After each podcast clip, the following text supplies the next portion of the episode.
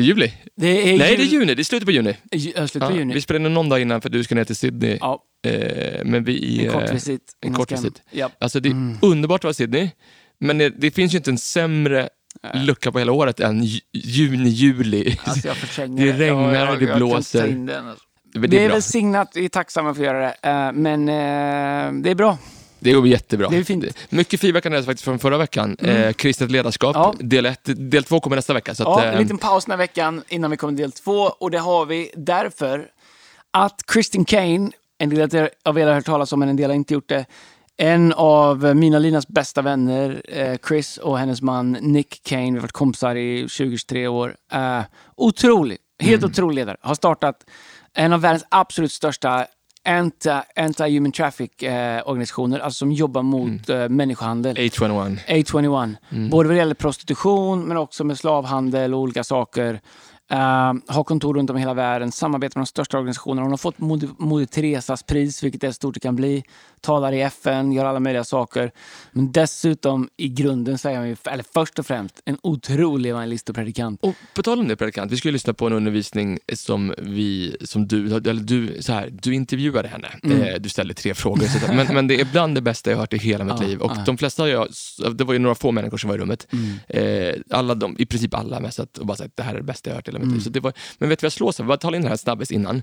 Eh, för man kan lyssna på vad hon säger och det är Mm. otroligt det hon säger. Men vissa, du vet, alla kan ha kunskap uppenbarligen. Ja, ja. Men det är någonting när Chris pratar, Mm. eh, weighten, Ja. auktoritet, som gör, alltså det flyttar saker i mitt hjärta. Ja. Jag, alltså det är eh, life goal känner jag när jag lyssnar på henne. Om jag någon gång kan liksom ha 10% av det där, så att jag, Ja. alltså, inte bara, för, jag kan komma på bra grejer, Nej, jag kan det- sno bra grejer, det, vad det är grejen Vet du ointressant. vad grejen är? Hon har betalat för det. Mm. Det, har, alltså det kost, alltså du kan säga saker utan att, du har, utan att det har kostat dig någonting, men du kan säga det när det har kostat dig allting. Mm.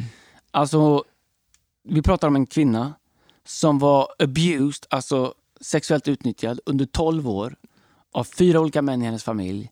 Som föddes på ett sjukhus, blev övergiven. I hennes crib, som föddes, där hon låg i hennes säng, så stod det name unknown. Eh, mother unknown. Hon övergavs. Så hon är född, övergiven av sin mamma, kom in i en familj, adopterad, uh, förgripits på i 12 år. Mm. Alltså hon skulle kunna sitta och vara ett victim. Alla skulle förstå det. Mm. Och sen hela hennes resa, att vara en av världens bästa predikanter, vara kvinna och allt hon har fightats mot. Och, du vet, så här, vet, hon skulle kunna lägga sig ner och grina och skriva alla de här böckerna vilken dag som helst, men hon har stått upp och fightats och, och, och hon, har, hon har liksom...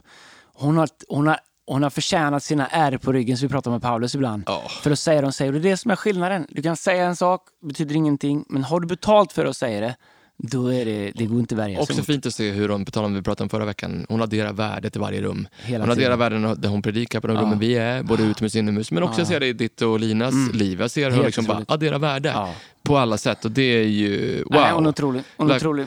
Så fram med anteckningsblock nu. Ja. Eh, på riktigt. Ja, det här vill dra du... in stortårna. Eh, låt dig bli eh, positivt provocerad av det här. Eh, och innan du liksom bara eh, avfärdar eller tar det som ett peptalk, låt det verkligen sjunka in i hjärtat. Eh, och, och varför inte skriva ner lite och fundera på liksom vilka av de här sakerna som kanske är eh, en hälsning till dig. Maila oss på fearlesshillsop.se. Vi vill höra vad du Ja, tog med dig. prata med oss. Prata med oss, får vi höra hur det här, vad det gjorde i ditt liv. Och sprid den här podden till många människor. Prenumerera hela sommaren, varje fredag. Ja. Vi har till och med skaffat utrustning Andreas, så vi kan podda Ja, vart vi än är. Det ser fram emot hur det ska gå. Det känns Ja. skakigt. Ja. Ljudkort och Ja. grejer. Men eh, vi Ja. committade till att vara med er hela sommaren. Kan inte du bara be Adrian lära sig sätta upp dina grejer? Kommer det bli Jag vågar inte berätta för dig att just nu Ja, är min dator borta. Men den finns någonstans. vilken skräll. Men jag har flyttat mellan olika stugor. Alltså, den är inte... Men vadå, har du kollat? Det är lugnt, jag, jag ser att du tittar på det. Han löser nog Jag löser upp allt, det är lugnt. Nej, ja, just det. Men har du, har du kollat på Hitta min dator? eller? På eh, din app? Men jag glömde sätta Titta. på det. På det. Nej, den finns på... Jag ska hjälpa dig. Ja, den- den är... Alltså, Det- man, har, man har många barn runt omkring I sig. Jesu Saker namn. Nu bara- ska vi ha Kristin Kane! Det ska vi. Du bara sänkte den här Ja, förlåt, dator. förlåt, förlåt. Förlåt. hände? Nu lyfter vi det igen. Ja, nu kör vi igen. Kristin King kommer här. Ja, det är ha bra. en bra vecka. Ja.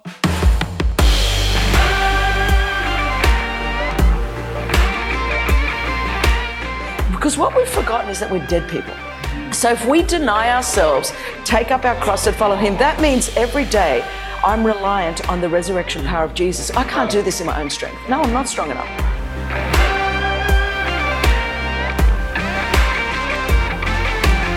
So I've asked Christine uh, if I could ask you some questions, and I, I want to thank you for doing this. You, you weren't you weren't supposed to do this, and, and we asked you did great Sunday, and I know you guys are going seven weeks ministering on the road, seven weeks. You know, you think that's a glamorous life? It's not. Uh, it's a sacrificial life where you just go and give, give, give, give. So this was a day off. You're going to fly out, but I said, please, uh, can we? Because I want these guys to catch. Not only they all know you can preach, but to me, you're, you're best of the best preacher. But to me, what you carry and what I watched you guys carry for decades, mm-hmm. it, it's so attractive, and it's old school, and it's pure, and it was it's what we believe in. And I think if I can just be we're just going to be without filters today. And I'm going to ask her provocative questions so she'll give you provocative answers. Um, some of you younger guys, you're raised in a time um, where you think your boss, your HR department is responsible for your life. Uh, they're not. God is. And what's going to happen with your life is completely up to you. Uh, I'm not responsible for your calling. I'm not responsible for your life. I'm not going to, it's not my job or anyone's job to, to, to, to, to create this beautiful path for you to have a great calling and great life. It, it, it's up to you. Yeah. And it's up to the anointing. And it's up to you to catch the anointing. And in a world where, um, you know, I was reading 25 years ago, uh, as you walked into a job, or 20 years ago, your question was when you had your first job out of uni or out of college, whatever, your question was, what do I need to do to keep my job? Mm. Uh, the question now is, uh, you walk in, you ask your boss, what's your plan for my uh, success? Uh, what's your plan for my development? And I get it, it's, I'm not saying it's all bad. I'm just saying uh, the kingdom of God is immovable. The principle and the practices of the kingdom of God, how God picks, how God selects, how he anoints, who he uses. He couldn't care less about what we do with this world. Uh, he's still going to work according to the character of who he is. And watching Chris over all these years, and, and you touched on it, you've done a lot of times you've been here, your upbringing, your story. Um, if I can start with this, I'm just going to dive straight in. Why are you not a victim?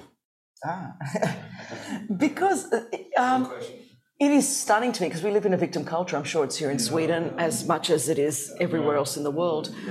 Um, right now on the earth, there's a lot of money to be made from victimhood, um, and so it's a it's really damaging because it's the opposite of the gospel. See, Jesus set me free, yeah, right. which implies there is bondage and there is freedom. So you either have resurrection life or you don't. Right. So Christians that claim victimhood um, don't know the gospel and don't know the power of the blood or the power of the cross. Wow. Because we are a resurrected people, which means I was dead. This is the gospel. I was dead. So am I going to spend the rest of my life on this earth talking about dead or the fact that I've been brought to life? That is resurrection power.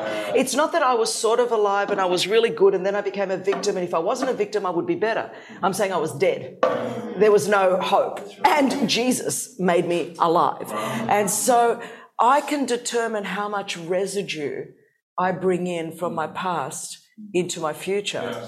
And what we like to do, instead of having Jesus heal us, we make an excuse and say, I am like this because. And we live in a culture that is very, that makes the power of what someone did to me bigger than what Jesus did for me. So I continue to make what Jesus did for me bigger than what anybody did to me.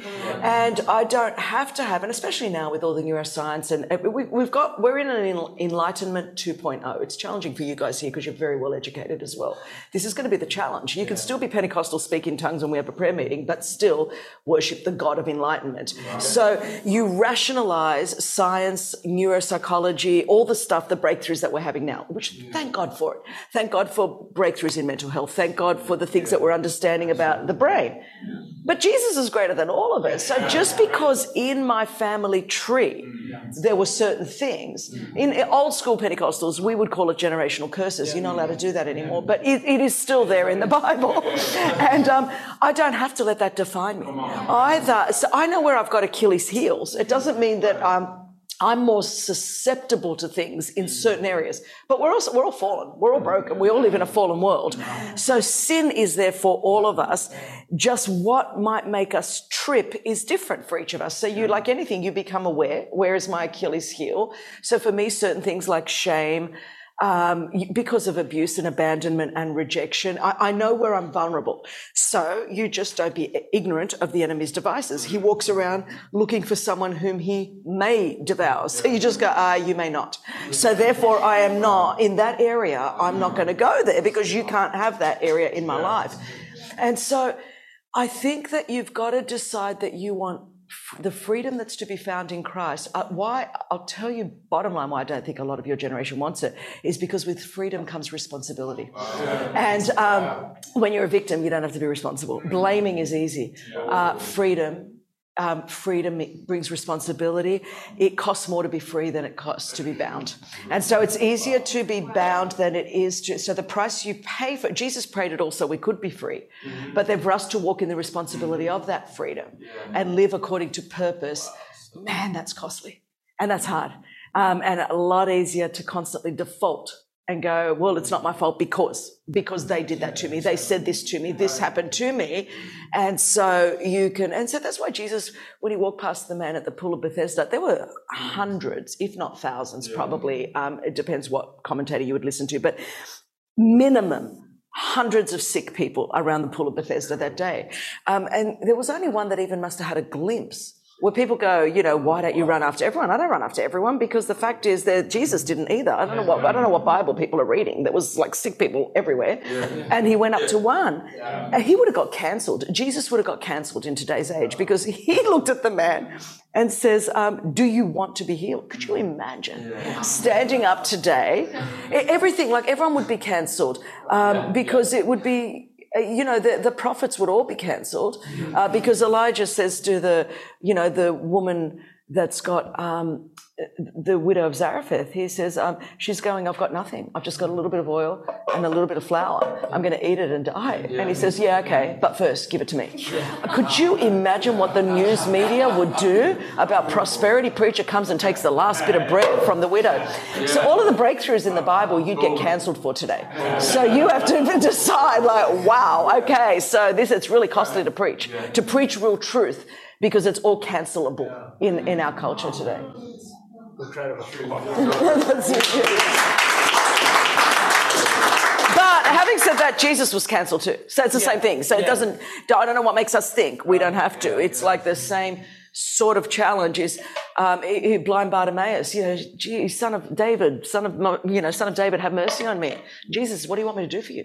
Again, you'd be cancelled. What, why are you talking to a blind man like that? Why are you asking a blind man, what do you want me to do for you? Why are you asking a sick man, do you want to be healed? Why are you telling a woman that was caught in the act of adultery, go and sin no more? How dare you? She is a victim of a, culture and society and systemic injustice. How dare you tell her to do that? We would all be cancelled. Right. So if you're not prepared to be, you're not really preaching the gospel. But anyway. So if you live in fear of getting cancelled, what is that going to do to your the way you serve the Lord, the anointing, and how God's going to Yeah, you, you're always going to, um, and, it's challenging. But it's it, the truth is that demonic spirit has always been around. It's just now it, it sounds seductive in our day and age because of where we where, what we're living in and how the far left has hijacked justice um, but it's made justice a god and it's made equity a god. And um, it's so fascinating to watch that happen. Given I run one of the largest anti trafficking organizations in the world, so I'm right up in the justice world.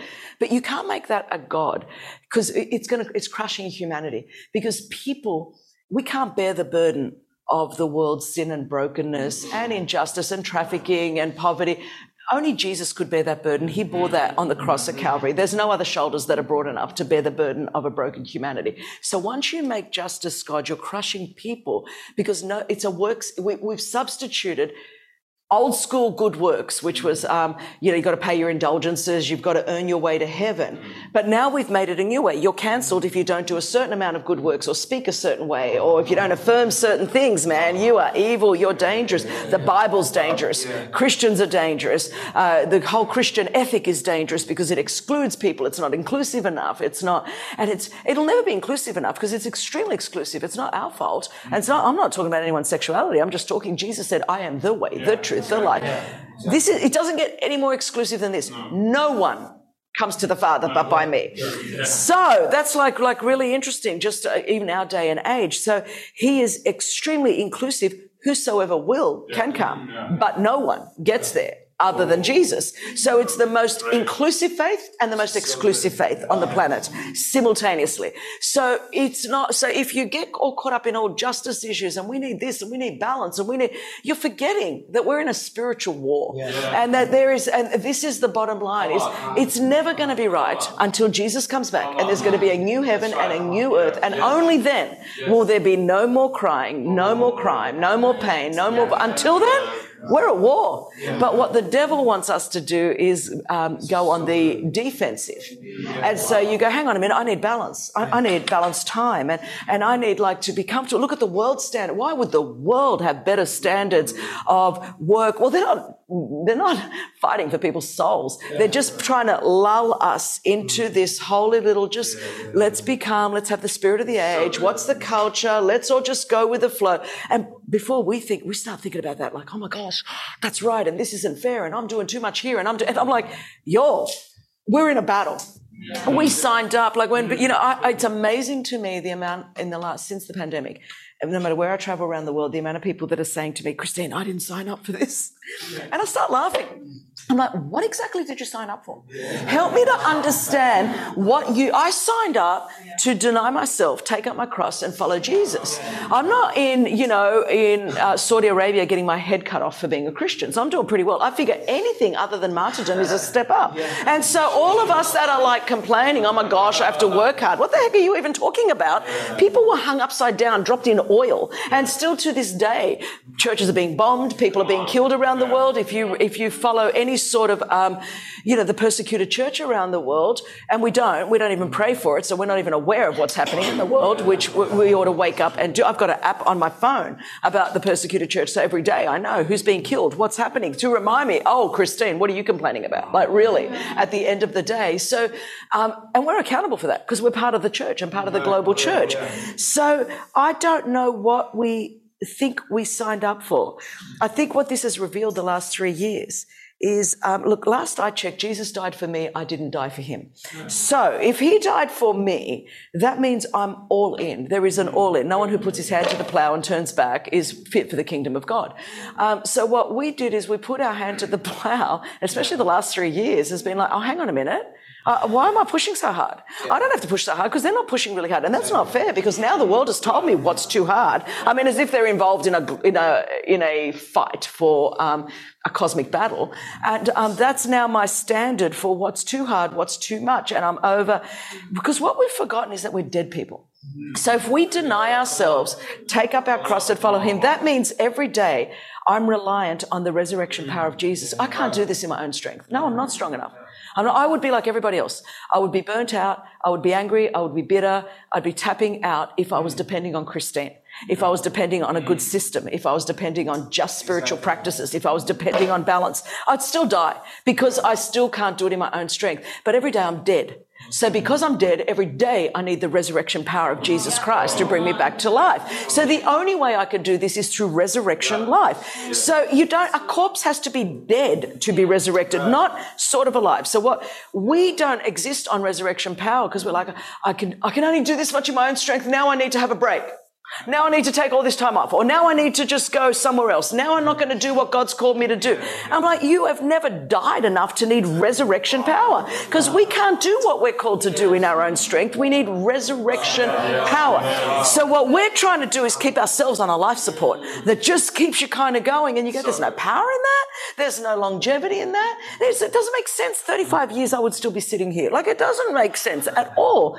And you go, uh, if you want to talk about stories of, injustice. I could give you plenty in 35 years. Not only that, I'm older. I could be all of your mothers. So even when I started as a woman in ministry, I'm not just talking about our world. I'm just talking the Christian world. Um, women didn't do what I did. Uh, and, you know, the fact is to, to now be where God has taken me, it is, a, I just laugh because God brought me here. So I'm never looking over my shoulder thinking, who's going to remove me? No one can remove me. God put me there. It's God that opens doors that no man can shut.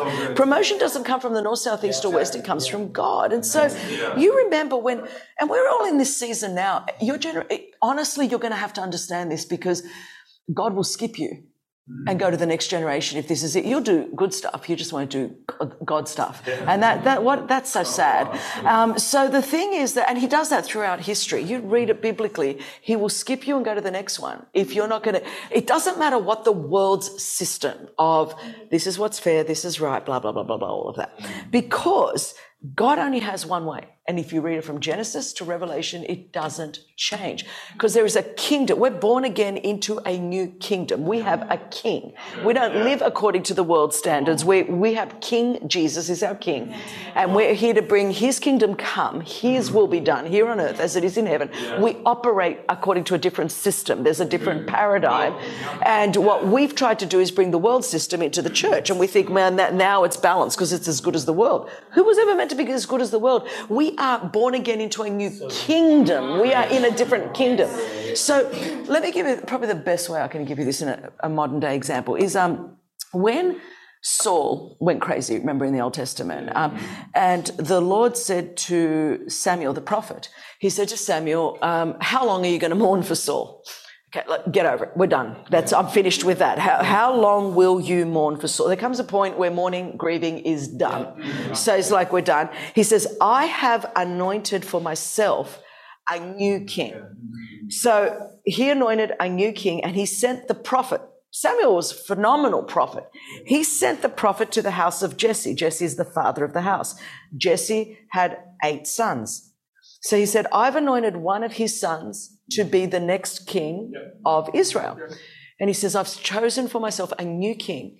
Is one of Jesse's sons. So the prophet, the man of God, this is what I'm about to show you. Uh, it, this, this will give you power in your spirit, no matter where you're planted, to trust God ultimately. Because he sends the prophet to Jesse's house. And he says to Jesse, You know, where's your kids? God's anointed one of them to be king. So Jesse, David doesn't even make it. How would you be if you're the son and your father doesn't even think you're worthy to make the final lineup of the selection process? He's out. Jesse doesn't even bring his own son. The father of the house does not recognize the king. The father doesn't. So he brings his other seven kids, the sons, and they parade paraded before the prophet. So the man of God now, the big man, given all the prophecies from the stage, he's calling everyone out on the staff. So the prophet, the Bible says he see he saw Eliab and thought Eliab was the oldest son. Eliab was a mini Saul.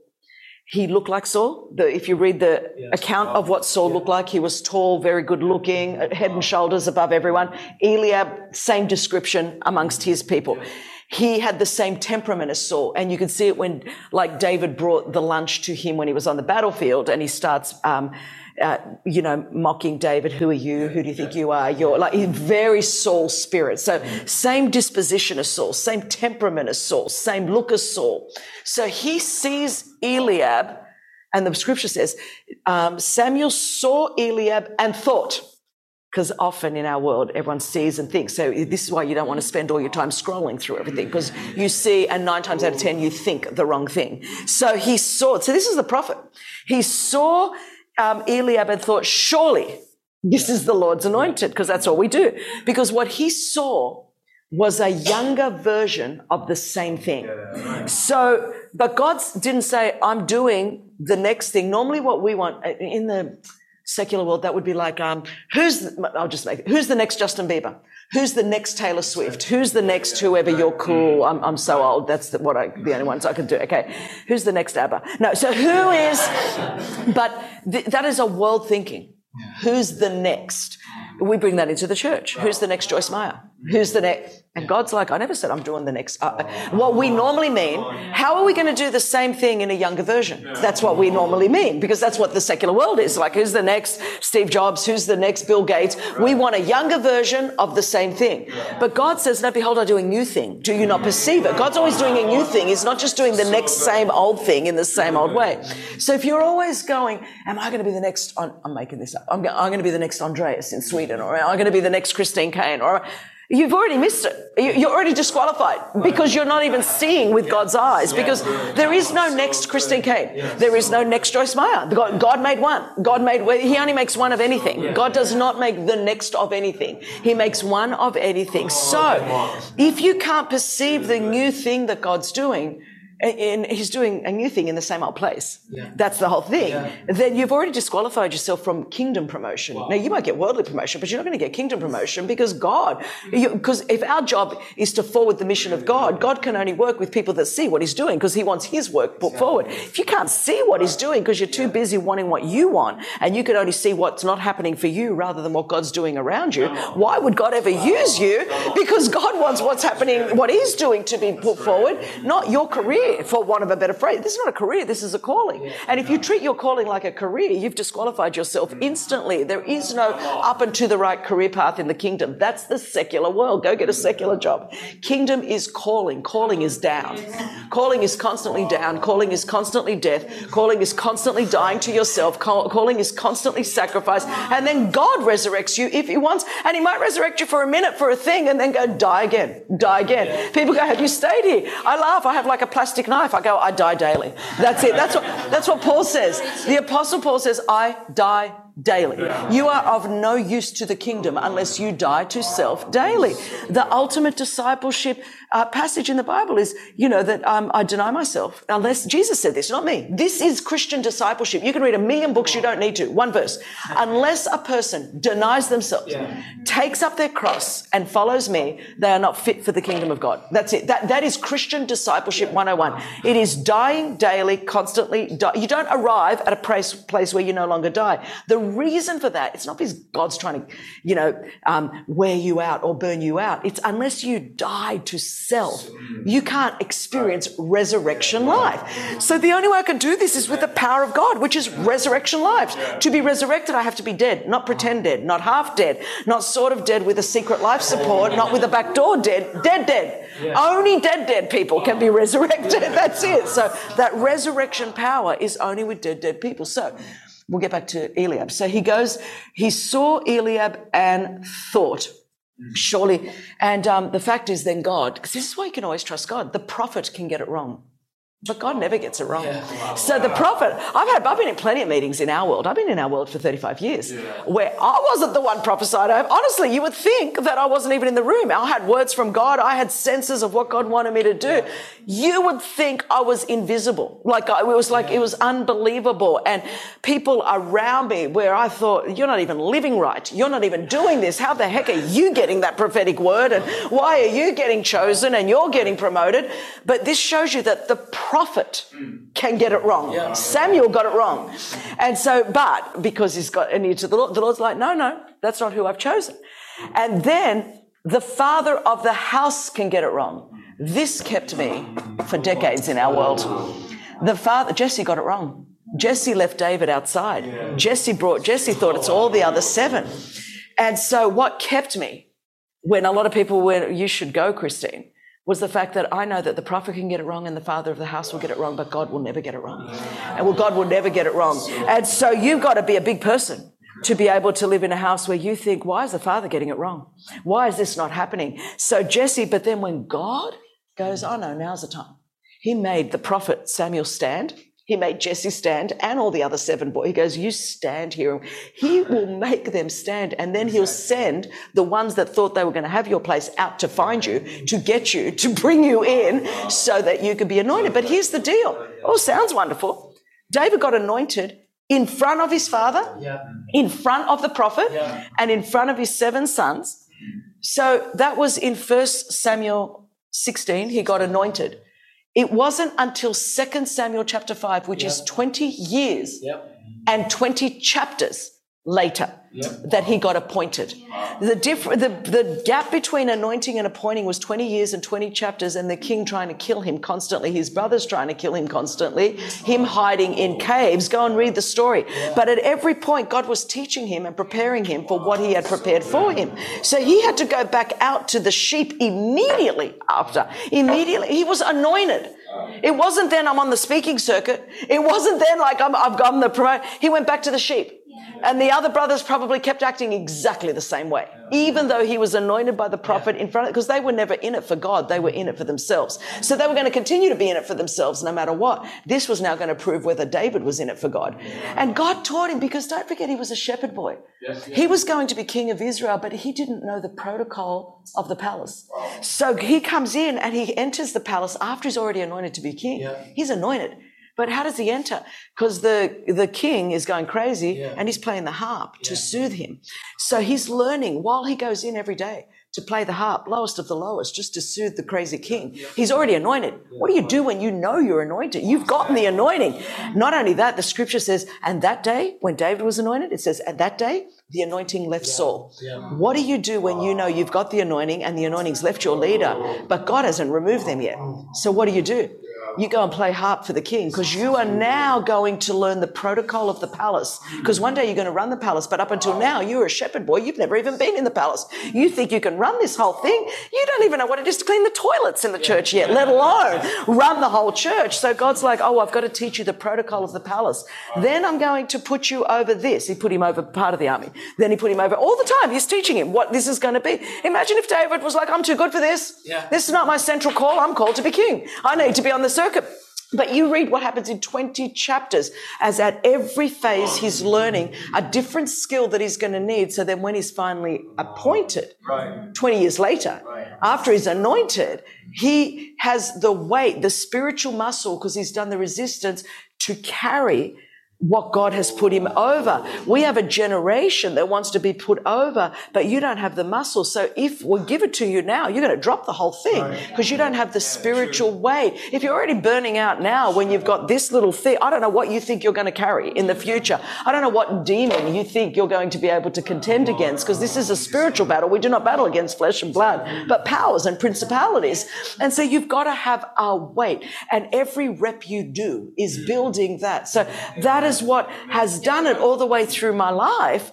And then you go, so by the time you're there, you're never there. You don't think you're there because you're not there. Because all I'm doing now is just carry, like back in 1990 when I started the community based youth center of our youth ministry back in Australia. Uh, who would have known? But back then I was writing government grants. I was doing, um, speaking at community group, oh, like all in the back of nowhere. It wasn't even, no one was doing that in the church world then. You know, they would thought I was the Antichrist or something probably. um, but who would have known then in 1990 God was preparing me for running one of the largest anti-trafficking organizations. Like now it's the UN and everyone applauds, but there would be no UN if I wasn't going back to my little community um, youth centers and filling out government grants and talking to meetings. And now um, what I'm doing now is like nothing. There is no arriving. It's it's very dangerous. Uh, you know, I said on Sunday, and I really meant that. It's so challenging if you start to measure your effectiveness by how many you're reaching, rather than how many are still unreached. Then you've got a real problem in the church, and you've got a real problem because uh, that's not our mission. What drives us is not just who we are reaching in in Sweden but how many are not in our church every Sunday? How many have not heard the gospel in Sweden? That actually is the thing that should get us out of bed a whole lot more. And then, um, and then all the world on top of that. Then you go, and the world. So in fact, you go. Um, Paul says, you know, that I haven't arrived yet. But this one thing I do, forgetting those things that lie behind, I strain. Yeah. What we've come is post pandemic, no one in the church wants to strain anymore. Yeah. See, straining hurts. Straining push, straining takes you out of your comfort zone. Um, you know, we got a generation that still doesn't want to get out of their sweatpants and put on jeans because it's too much of a strain because we've been used to doing our Zooms with our little pajama pants on. And, um, and it's like, okay, so we've got to strain and press. And both of those are, are, words that you've got to exert a steady force against. The minute in your mind as a Christian, as a Christian that's called, I'm talking to staff leaders here, the minute you start thinking, I've arrived or this was my goal, mm. you know that you've entered career thinking, not calling. Mm. Because calling, because, and then you'll, you won't ever do what God, if God's asking you to do something that's not prominent, or that's not applauded by the world, yeah. you'll think it's a drop in your career mm. because there's not enough. Oh man, what do you mean those crowds? You, and then you'll stop doing what God's called you to do. So Paul might have had some crowds and then Paul was still in tune with the Holy Spirit to go, oh, they're Macedonia. I got a Macedonian call, and we, I thought I was going here, but God's saying this. Uh, Jesus was doing this, and then he's like, no, I've got to bypass Samaria. There's one woman I have to talk to after I've just had crowds. Now you only know you're still called when you can still hear that voice that goes, no one's going to understand why tomorrow I'm going to go to the back of Poland and nobody's going to know where I am. And it's, it doesn't look Instagrammable and it's not going to look as nice as what I posted about Sunday night here. Um, but the minute I start thinking that is more important than mm. that. Now you test it in your own heart. It's like what what he gives you that might be visible or what opportunity you mm. think that if you treat everything like it's an opportunity, like this is the last opportunity I'll ever get, anything that God asks you to do, oh, you wait and see. Because God then knows that you see what He's calling you to. It's got to be invisible. Our assignments are invisible. The voice of the Lord is invisible. But because of the world we live in with social media, and vi- we have confused significance with visibility. And we've brought that into the church. We think the more visible it is, the more important it is. And the fact is, you don't know God if that's the case. You know the world system. It's a challenge, but that's how you don't bow down to the world. But understand, always between anointing and appointing, there's 20 chapters and 20 years of hell, just so that you know. there you go. Yes.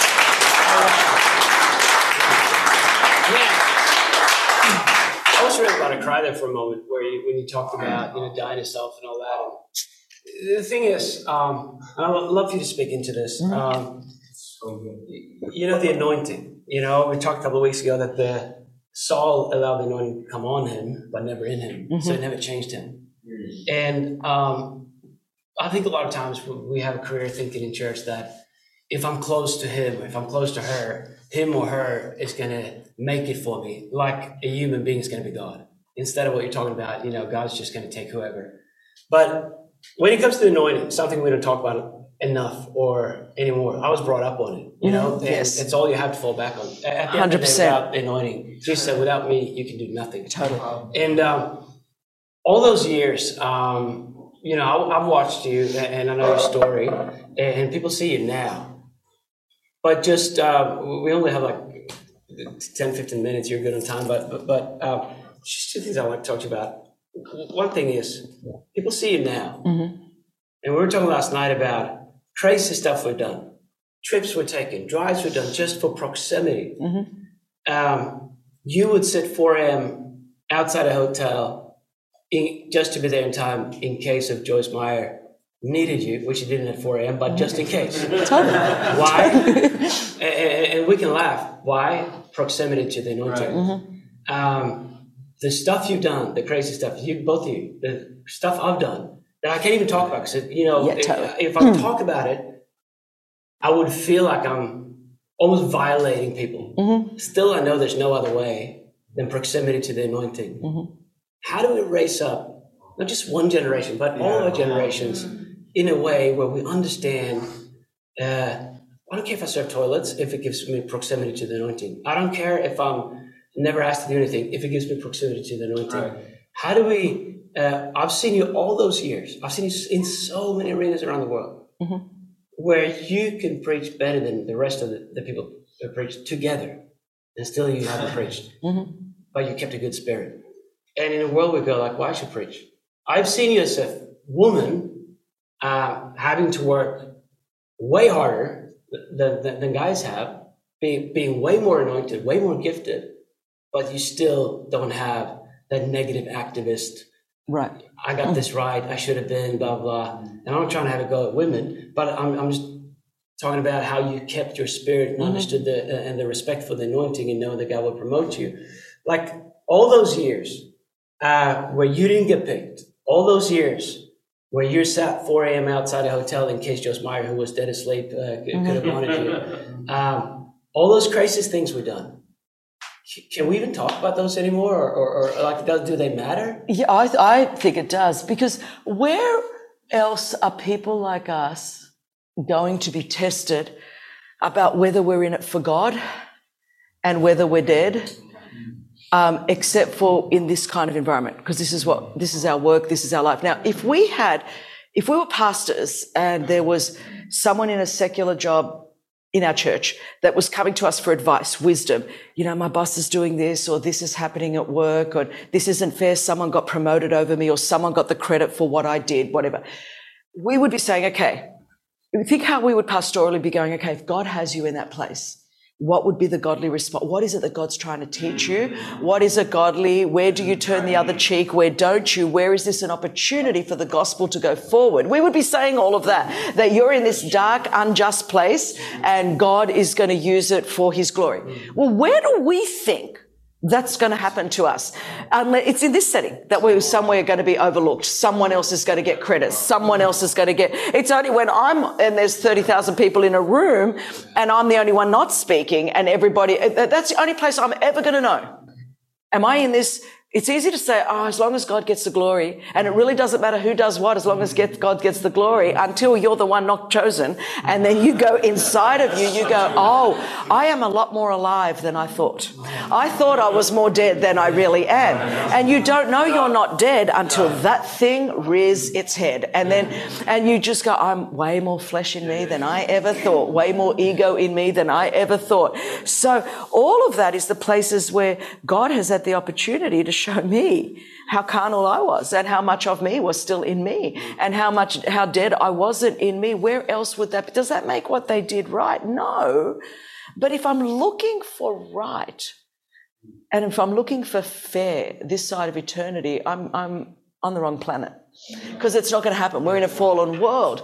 And it's not my place to try to make it right. Like vindication comes from God and vengeance is the Lord's. So what we live in a world now, and you see it in the secular world and in the church world, um, that people want vengeance and vindication, not just justice. It's tipped over. There's, there, I'm all about justice, man. If there's unjust things that are like abusive or wrong or whatever, we're not talking about that. that that's one thing. But um, I'm all about fighting for justice. But we've, in our cancel culture, we want vengeance and we want vindication. So nobody's giving a chance for God to bring vindication or God to bring vengeance. And I'm like, y'all, I wouldn't be touching what God says is his. Vengeance is mine, says the Lord. I don't know if you want to be touching anything that God says is His. And um, when we're trying to vindicate ourselves and not giving God the chance, it means we're controlling our own lives. We're not really submitting ourselves to the Lord. It's hard. But this is the only place where you really know um, if God is in control. See, anointing, um, we don't even understand what it is anymore, but it's, you know, we, we, we understand gift and we worship gifts. It's so here's the two things gifts are what God gives you, anointing is what you give God. So God plants gifts in us. I've done nothing for it. God gave me a preaching gift. God gave me whatever, whatever gifts we have, hospitality. Go through the in Romans, the book of Romans, the book of Corinthians, it lists the spiritual gifts. I do need you to know Christian influencer is not in the spiritual gifts. So, um, so the, and that doesn't build the body. The, the spiritual gifts build the body. Most of us want the gifts that don't build the body because they're not gifts, they're just showing off. But anyway, so the spiritual gifts that only exist to build the body of Christ. That's all that will remain. Everything else is wood, yeah. hubble, and stay. It's yeah. going to burn on yeah. Judgment Day. So you, you honestly, you can have your one minute in the sun. It's going to burn. And so the stuff that matters is the stuff that builds the body. And so, but you only get anointed by being crushed. Mm. So when you have oil comes when the olive is mm. crushed. And what we don't want to be crushed. So that's why there's no oil. Mm. And so then we can't recognize it. So when you haven't experienced it, you don't know where it is. But if you, in your own place with Jesus, are dying to self and experiencing the crushing, and it comes in every way the crushing of my dreams, my thoughts, my desires, my wants, my all that. That produces an oil. And the more oil that's produced in you, the more oil you can see on somebody else. And so then you're looking and you're, and then nothing else matters because a gift can fill a room. A gift will fill an arena. A gift will sell tickets to an event. A gift will entertain people. But people come in bound in all types of bondages and they leave in all kinds of bondages because a gift doesn't set anyone free. Isaiah says it's the anointing that breaks the yokes and the chains. And so why our churches, all churches across the world, you're going, why are so many people bound when they come in and bound when they come out? And they clap and they shout and they sing. And it's awesome because the gift will fill the room. But the gift doesn't set anyone free. It is the anointing that breaks yokes and chains and bondages. But if you're not willing to pay to get that anointing, then you've got nothing to offer anybody else and you're not going to yearn for the anointing. What then you're going to mistake. Again, it's a career thing. It becomes like the world. Like, man, if I get close to you, you'll give me opportunity. I see, I see it in the Sheryl Sandberg lean in world. I don't know if that's like here, but in the women's, I've been very involved, obviously in the women's space, secular and Christian. And I say to the women, we don't need like, it's the whole movement Sheryl Sandberg did out of Facebook was lean in, basically. It's all men in their corner office. Let's kick them out. And now let's get the women in there. And they were all arrogant pigs. Now we're going to be arrogant pigs, but at least we're female arrogant pigs. So it's like, rather than going, maybe we need to look at what's problematic with that whole thing in the beginning and that we ought to be producing the fruit of the spirit of love, joy, peace, kindness, gentleness, long suffering, self control. That's what we need to do. So the goal is not if I get close to you, you'll open a door for me. And if I'm not close to you, that door will never open. Well, you don't know God then. Yeah. Because, uh, especially in my day, I had no proximity to men. I mean, you think now it's weird. Back then, like it was like you get pregnant if you walked into the same room as a man. So the men were so nervous of women in ministry. Um, so I had to get in my prayer closet with God. It wasn't like I wasn't trying to work my way there. There's a difference between trying to work your way there and trusting God to get you there. Wow. And so that when I trust God to get me there, my work became joy, no matter what my work was. And I didn't have any of the proximity the men had. I wasn't, I mean, I was the only female director in the Assemblies of God for Youth Alive, the only woman. Uh, dozens of men. They wouldn't even, t- they, they went on all their retreats and all their camps. They, they didn't even know what to do. Literally, they would say, we don't even know how to talk to her. I thought, how dysfunctional. Uh, you, we don't, thank God we don't live in those days anymore, but it really was like that when I was going through. But I didn't care because I had God. And God got me here. And any of them here? Zero. Not one of them in 2023. I am. And so you just go, man, it's like David. You just do what you're meant to do with your sheep, play your harp, go kill your lions and kill your bears. And then when God's ready for you, he will stop everyone and say, go out, get them, and bring them in. It's the way that it.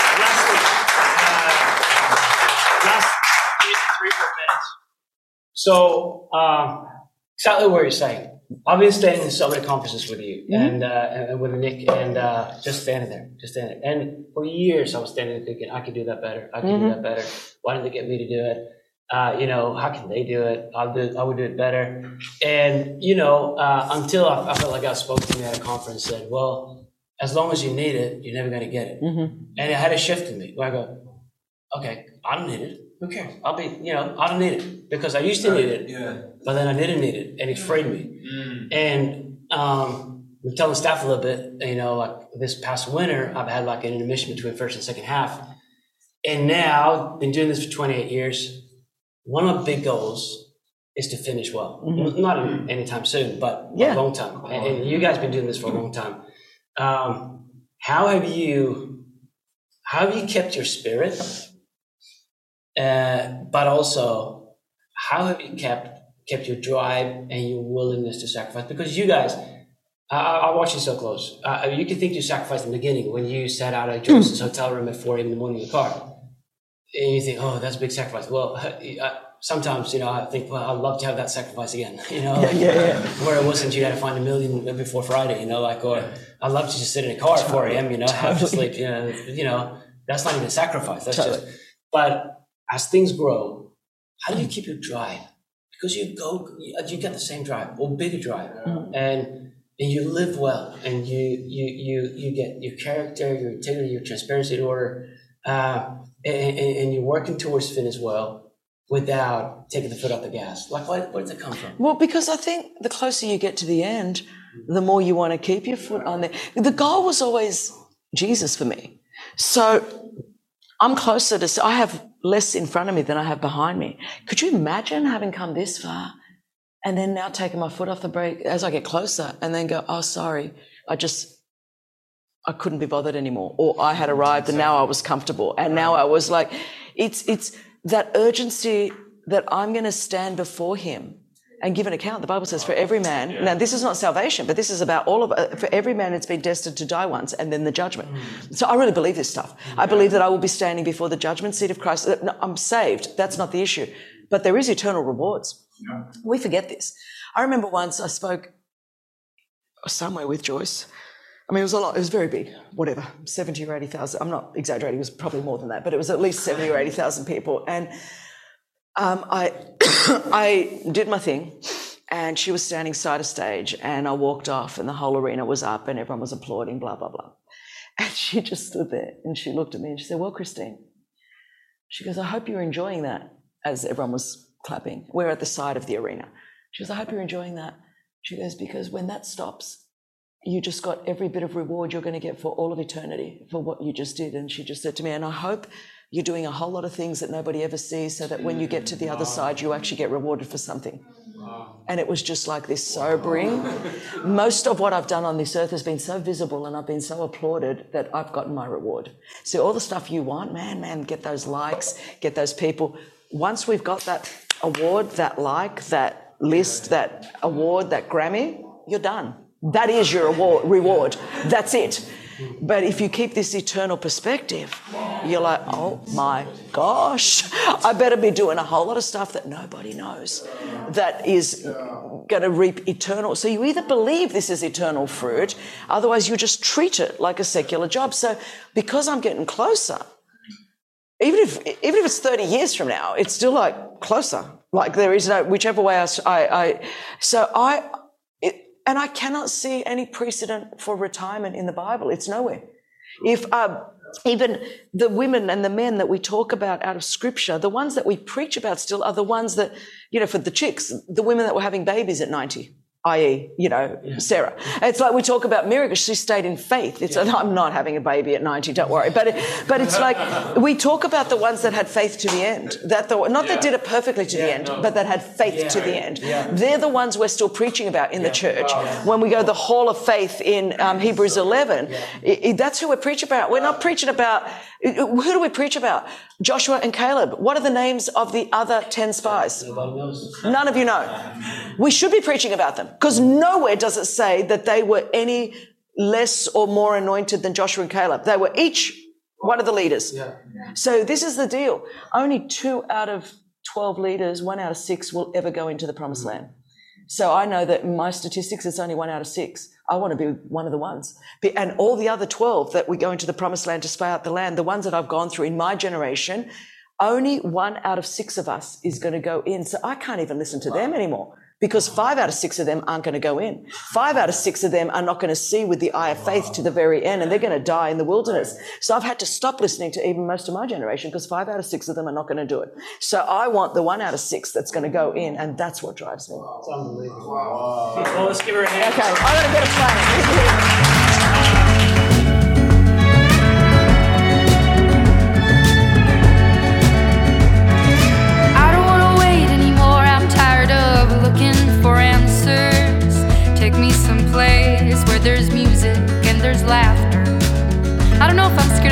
but I'm scared of living too fast, too slow.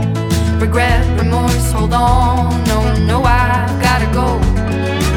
There's no starting over, no new beginnings. Time raises on. Just gotta keep on keeping on. Gotta keep on going, looking straight out on the road. Can't worry about what's behind you, what's coming for you further up the road. Try not to hold on to what is gone. Try to do right what is wrong. I try to keep on keeping on. Yeah, I just keep on keeping on. I hear a voice call, calling out for me. These shackles I made in a town to be free, be free.